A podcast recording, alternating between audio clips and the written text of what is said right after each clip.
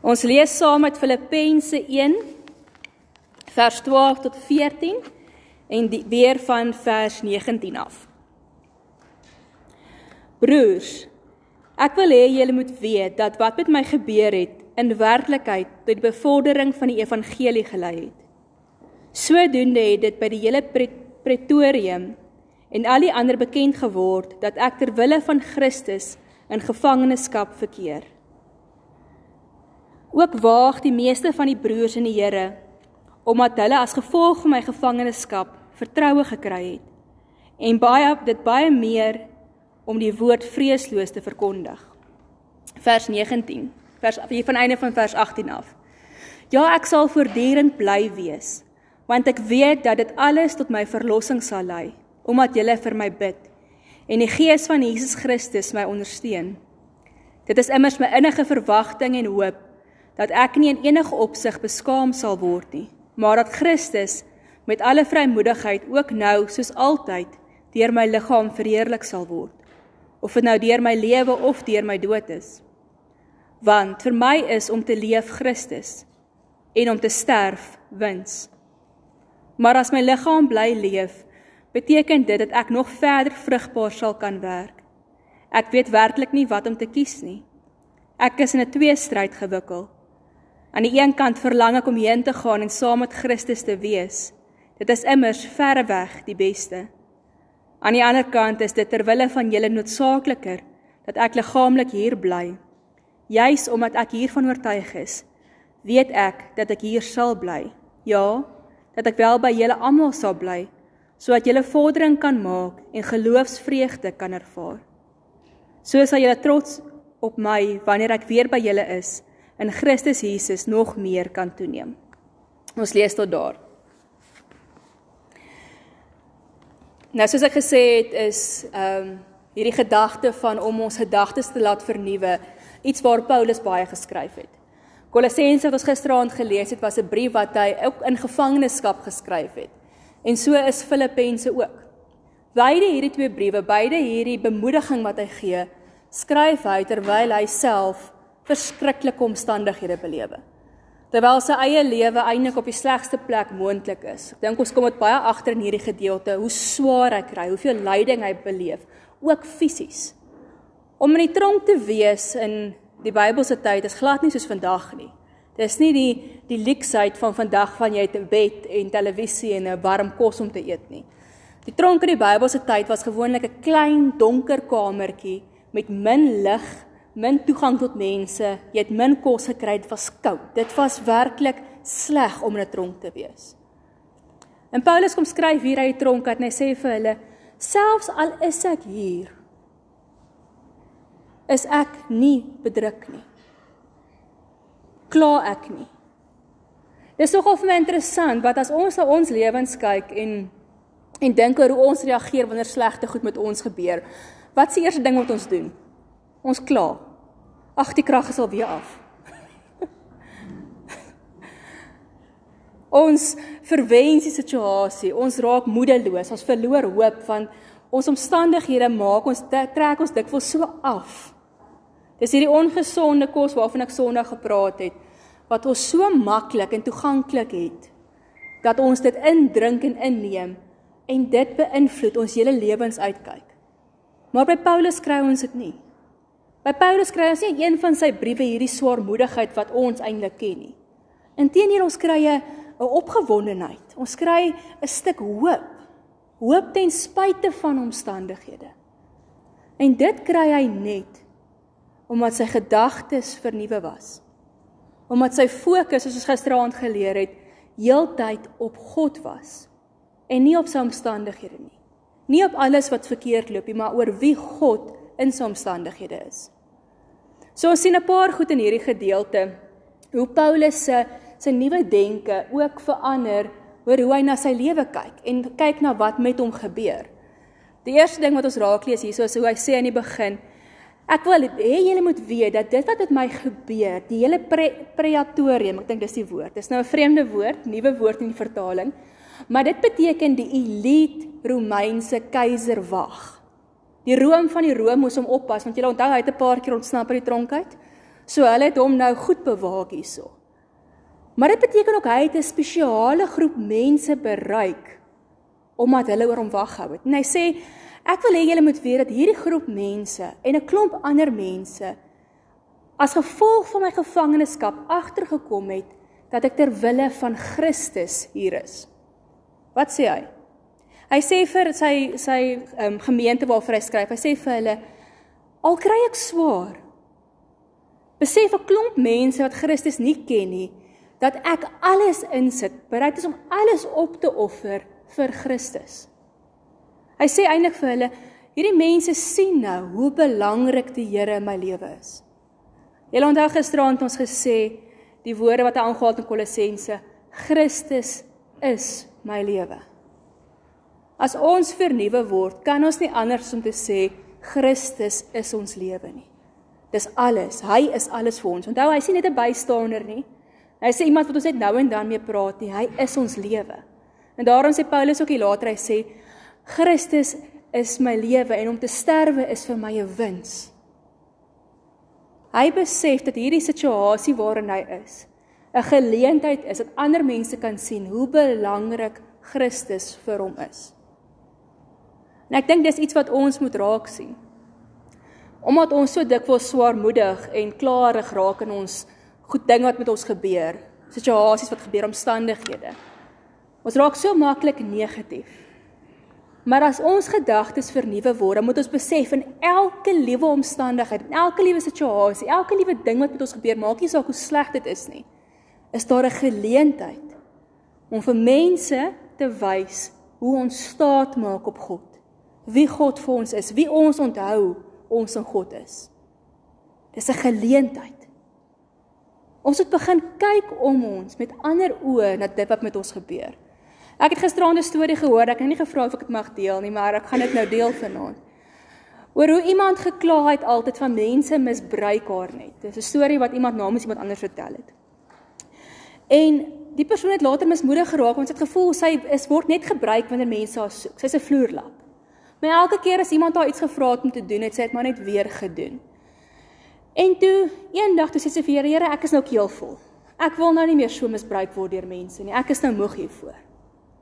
En toe maak die Here haar oë oop en hy sê vir haar, "Maar jy doen dit nie vir die mense nie. Ek het hierdie mense oor jou pad gestuur sodat jy hulle kan aanraak. Jy doen dit vir my." En dit is presies wat met Paulus hier gebeur. Hy sê, "Hierdie is 'n geleentheid wat God oor sy pad gestuur het om hierdie mense te bereik wat op geen ander manier sou bereik het nie, want hulle was elite geweest. So moet ons begin kyk watter omstandighede, hoe kan ons God se geleenthede in die dinge om ons raak sien? Al is dit, die krag is af. Al is dit ons het weer nie water nie. Al is dit hierdie goed waarmee ons elke dag gekonfronteer word. Al is dit 'n slegte ding by die werk of by die huis. Wat 'n geleentheid gee God vir ons daarin om ons vertroue in hom te wys, om te wys wie hy vir ons is. So dis die een ding wat ons moet hoor. Die tweede ding wat hierby aansluit, sê Paulus in vers 14 verder. Hy sê hierdie gevangenskap het ook 'n geleentheid geword waarin sy medegelowiges, sy ander broers in hulle geloof, hulle vertroue in God versterk is sodat hulle vreesloos, hoor die woord, vreesloos die evangelie kon verkondig. Dis besonder. Hulle hulle medegelowiges sit in die tronk. Jy moet eintlik bang wees want dit is wat met jou gaan gebeur. As hulle gaan getuig wie God vir hulle is, is die kans dat hulle tronk gaan beland baie groot. Maar nee. Hulle deur Paulus se volharding, deur hoe hy hierdie situasie dra, deur hoe hy dit deurgaan, versterk hulle, bemoedig hulle, gee hulle waagmoed om dieselfde te doen. Ek wil sê ek wil die beeld gebruik vanaand te sê swaar kry plaas ons lewens onder 'n vergrootglas. Julle onthou Sondag het ek gesê met die kindermoment, die twee bakkies lyk dieselfde, maar as hulle geskit word en omgedop word, dan kom dit wat binne-in is uit. As ons hokke, ons lewens geskit word deur slegte dinge wat met ons gebeur, dan kom ons binnekant uit. Dit is wat gebeur. So ons lewe word in 'n vergrootglas geplaas wanneer ons swaar kry beleef. Ons almal ken dit. Ons is mos skierige mense. As daar iets slegs met iemand gebeur en ek het nou vanmiddag net gedink aan die feit van die huise wat af, afbrand in Queenstown. Dis 'n slegte ding wat gebeur. Maar wat gebeur? Wat is die eerste ding wat gebeur? Mense stroom uit nuuskierigheid om te gaan kyk. Hoekom? Want dis ons aard. Ons wil gaan kyk hoe reageer mense in daai situasie. Ons sal sit 'n vergrootglas op hulle lewens en gaan vra, "Waarom het dit gebeur? Wat doen hulle nou? Wat gaan volgende gebeur?" So as ons swaker omstandighede beleef, as daar dinge met ons gebeur, siekte, slegte nuus, ehm um, enigiets, maak nie saak wat dit is nie. Dan kom mense en hulle kyk met ekstra groot oë na hoe ons reageer. En dit word 'n geleentheid weer eens om vir mense te wys wat in jou binnekant aangaan. Dit word 'n geleentheid om vir mense te wys met hoeveel vertroue en hoop en moed jy dit aanpak. En daardeur kan jy weer mense bemoedig om daardie selfde vertroue in God te hê. Dis tog hoekom ons gassprekers skryf wat kom getuienisse lewer en kom vertel hoe hoe hulle deur God se hulp deur 'n deur 'n tyd gekom het wat moeilik was. Hulle kom hou die vergrootglas op hulle harte sodat die wêreld kan sien wie God is en waar hulle fokus is. So ons moet kyk na ons omgewing. Ons moet kyk na die dinge wat met ons gebeur en besef elke keer wanneer ons 'n aanslag kry, 'n terugslag kry, 'n klap in die gesig, wat dit ook al is, moet jy sien as dit daar 'n vergrootglas op jou is. En sê maar hoe reageer ek nou? Want hoe ek reageer is baie belangrik. En ons moet so reageer dat ons ander bemoedig om sterk te staan wanneer hulle ook deur deur swaar tye en sulke tye gaan. Maar dis my besonder in hierdie gedeelte die menslikheid van Paulus ook. 'n Stukkie troos. Want ehm um, dink na ons alles wat ons gehoor het hierdie week, besef ons dit weer eens ons skiet met tye ver te kort. Ek dink as my so begin gesels oor om jou gedagtes te vernuwe, dan besef jy wat als werklik in jou kop en aangaan en dat dit nie altyd goed is. Die meeste van die tyd dalk nie eintlik meer sleg is as goed is. En dan voel ons swak, ons voel 'n mislukking. Ons ons voel weer hierdie tekortkome. En dan kom Paulus hier en hy hy gee hierdie absolute realistiese beskrywing van hoe dit vir hom ook moeilik is. Hier van vers 18 af lees ons hoe hy sê hoe hy beskryf en sê hy trek swaar. Sy liggaam trek so swaar, hy het soveel pyn, hy hy beleef soveel slegte dinge daar in die tronk. Dat hy eerder eintlik wens om heen te gaan. Hy wens om te sterf. Hy sê dit sal by verre weg die beste wees om na die Here toe te gaan. Dis nie vir hom maklik nie. Dis nie vir hom maklik om sy gedagtes op gefokus op God te hou nie. Hy doen dit. Hy streef daarna soos gisteraand gehoor het, bewustelik ingestel, fokus hy daarop, maak hy dit sy doel om sy gedagtes op God te hou. Maar ons kry ook so 'n kykie binnekant wat hy sê, ek is in 'n tweestryd. Ek sukkel. Ek kry dit nie altyd reg nie. En ek dink is ook dit goed dat ons vanaand ook net hierdie hierdie getuienis hoor. Moenie moed opgee nie.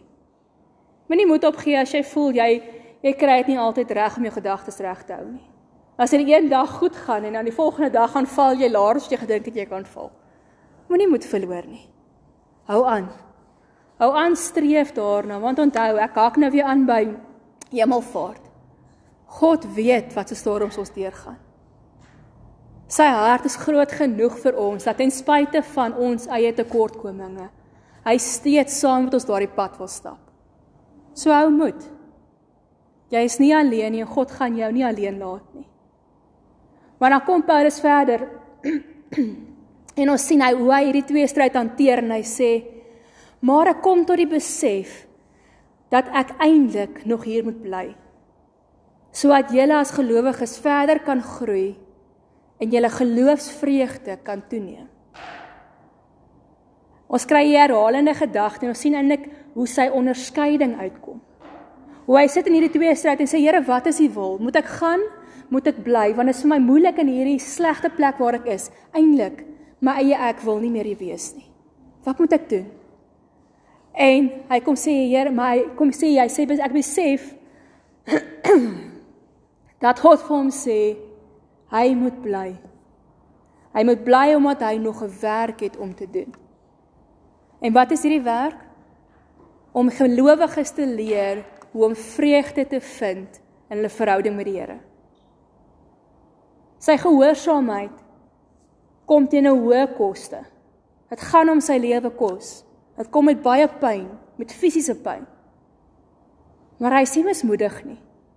Hy's bly, hy't vreugde en hy wil hierdie vreugde deel want hy besef is vir hom belangriker om te doen dit wat God wil hê hy moet doen as dit wat hy self wil doen.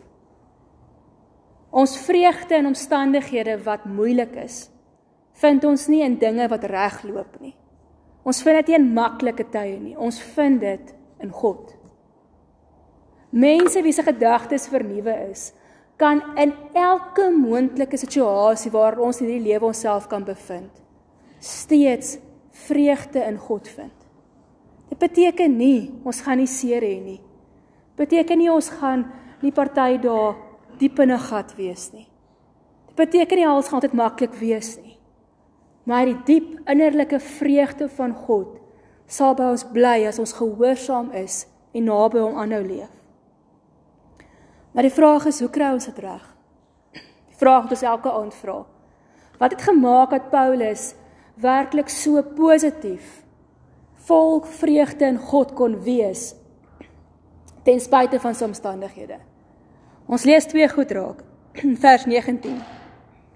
Die eerste een is die gelowiges het vir hom gebid. Gebed. Gebed is dit wat ons connect, wil ek die Engelse woord gebruik, konnekteer met God. Gebed is wat maak dat ons krag kry. Dis om 'n ketel te hê, maar die plak is nie ingeplak nie. Hy gaan niks beteken nie. Jy moet hom by die kragbron indruk vir die ketel om sy werk te kan doen. En dis wat gebed doen. Elke aand hierdie week het ons aan die einde saam met mekaar gebid, vir mekaar gebid. En op so 'n manier het ons bemoedig gevoel. Elke keer as jy uitgestap het gesê, weet jy wat, ek gaan probeer. Iemand iemand het my gehoor, iemand het my ondersteun, iemand het saam met my gebid. Gebed maak dat ons connect met God, dat ons by ons kragbron uitkom. En daarom moet ons nie onderskat wanneer ons in tye kom. Ek het nou nie hierdie week gelede dit gee vir vrae nie, maar sit nou altyd met julle gesels en dan kom 'n paar goed uit. Het ek die vraag gekry, maar ek sukkel hiermee. Hoe kry ek in daardie oomblik my gedagtes reg? Hoe kry ek gefokus op God wanneer een ding op die ander op my slaan en en ek kry net nie opgestaan nie. Ek kry net nie my fokus reg nie. Gebed. Gebed is die sleutel. Want gebed druk jou in by die kragbron. Gebed bring jou weer tot by God. Gebed connect jou. Gebed is nie net iets wat ons doen in die aand voor ons gaan slaap of in die kerk of wanneer ons Bybel lees nie. Gebed beteken heeldag 'n gesprek met God, die God wat hier by ons is, die Gees wat in ons is. As jy daar in die kar ry en jy dink ag ek het nou niks om te doen nie, of jy worstel en jy begin dink oor hierdie goed wat nou als kan verkeerd loop, bid. As jy voor die kospotte staan en jy roer daai pot, bid. As jy in eksamenlokaal sit en jy begin angstig raak en jy weet nie hoe gaan ek nou hierdie vrae antwoord nie, bid. As jy 'n risie met iemand betrokke is en jy dink ooh, hierdie gaan nou een groot gemors raak, bid. Gebed is eenvoudig net om te sê Here help. Partykeer het ons nie eers woorde nie. Partykeer weet ons nie wat om te bid nie.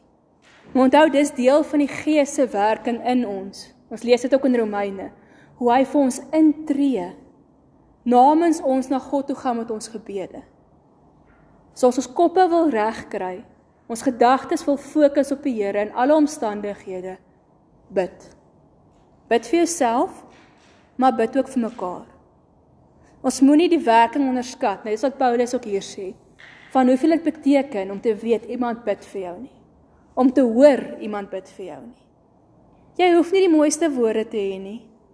Jy kan maar net eenvoudig praat met die Here soos ek en jou praat en ons met mekaar praat. Kom ons bid vir mekaar, ons bemoedig mekaar. Want Paulus sê dis die een ding wat hom gedra het. Hy het geweet die gelowiges bid vir hom. Hulle kom lê hom elke keer vir God se voete neer. En daarom sê hy tweede ding, hy sê die tweede rede hoekom hy dit reg gekry het, is omdat hy aanhou glo het en aanhou beleef het hoe die gees van Jesus Christus, hoor hoe hy dit stel, hom ondersteun. Die gees van Christus. Hemelvaart het Jesus opgevaar en hy het sy gees afgestuur na ons toe. So daardie woord gehoor parakleet, dit beteken iemand wat langs jou loop, iemand wat jou help, iemand wat jou dra. Daai jy die skip wat hier agter jou is. Dis die Gees se werk. Nou hier beskryf Paulus dit nou anders. Hy sê die Gees ondersteun hom. Die woord ondersteun beteken om vir iemand alles te gee wat hulle nodig het. Hoor dit. Nie te veel nie, nie te min nie. Nie alles te gee wat ons graag wil hê nie. Alles te gee wat ons nodig het. Ek het nog al die prentjie in my kop gekry van dis soos 'n hand wat iets vashou, ondersteun. Die hand ondersteun hierdie hierdie ding wat ons vashou.